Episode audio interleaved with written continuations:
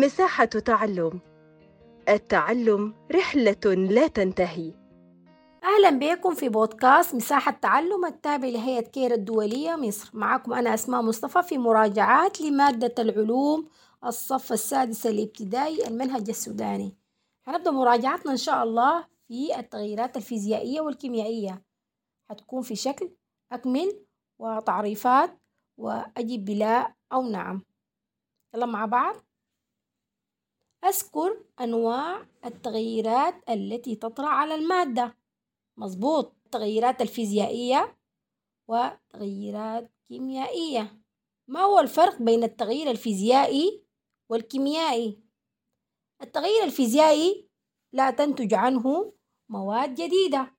أما التغيير الكيميائي فتنتج عنه مواد جديدة. نعرف التغيير الفيزيائي أو عرف التغيير الفيزيائي؟ هو تغيير في خواص المادة ولا يؤدي إلى تكوين مادة جديدة. عدد العوامل التي تؤدي إلى حدوث التغيير الفيزيائي.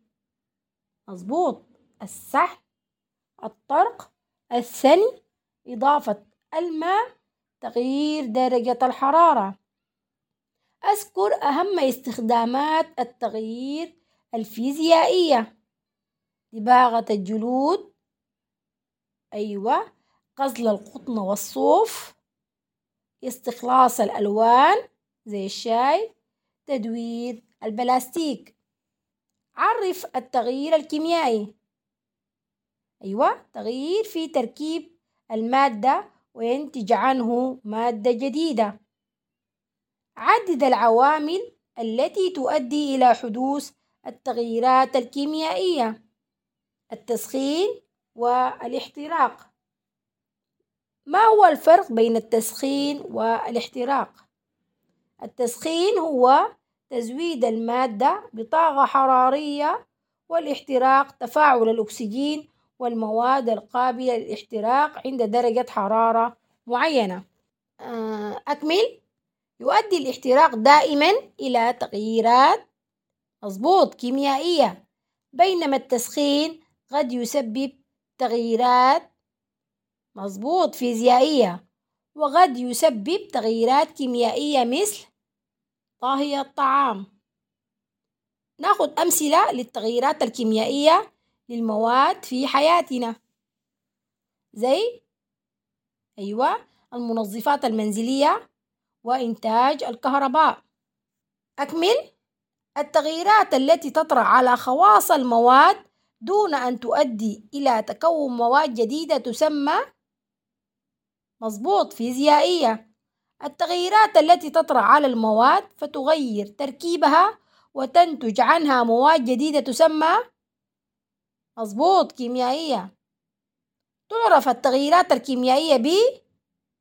تغيير في تركيب المادة وينتج عنه مادة جديدة. من استخدامات التغييرات الفيزيائية في حياتنا؟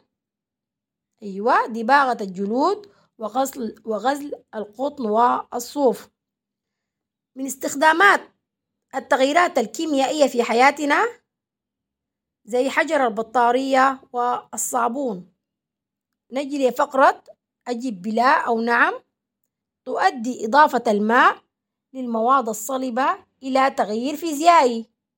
نعم. يسمى تفاعل الأكسجين مع المواد بالتسخين. لا.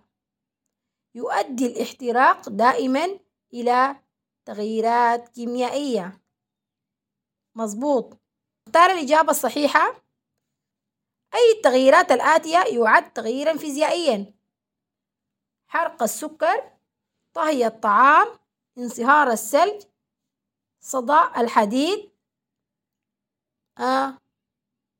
أيوة مظبوط. انصهار الثلج. أي التغييرات الآتية يعد تغييرا كيميائيا أو كيميائيا. ذوبان السكر في الماء. سني الورقة. تبخر الماء. تعفن الأطعمة. مظبوط. تعفن الأطعمة. أي التغييرات الآتية ينتج مادة جديدة. تشكيل الطين. صدى الحديد.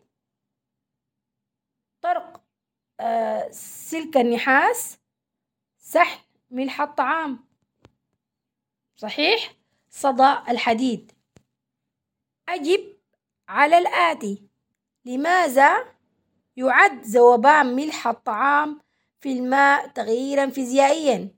ممكن السؤال يجيك في صيغة علل. لماذا يعد ذوبان ملح الطعام في الماء تغييرا فيزيائيا؟ لأنه لا ينتج مادة جديدة. لماذا يعد صدى الحديد كيميائيا؟ لأنه ينتج مادة جديدة. ما الفرق بين التسخين والاحتراق؟ قلنا التسخين يزود المادة بطاقة حرارية والاحتراق تفاعل بين الأكسجين والمواد القابلة للاحتراق عند درجة حرارة معينة. نعمل مقارنة بين التغيير الفيزيائي والكيميائي. في التغيير الفيزيائي لا تنتج مواد جديدة وفي التغيير الكيميائي تنتج مواد جديدة. كده نكون خلصنا مراجعة. أتمنى لكم كل التوفيق والنجاح.